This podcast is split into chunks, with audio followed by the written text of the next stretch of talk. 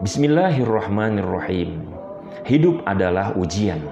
Dan setiap kali kita menghadapi ujian, kita akan merasakan kegalauan, kesedihan, kecewa, atau bahkan mungkin putus asa.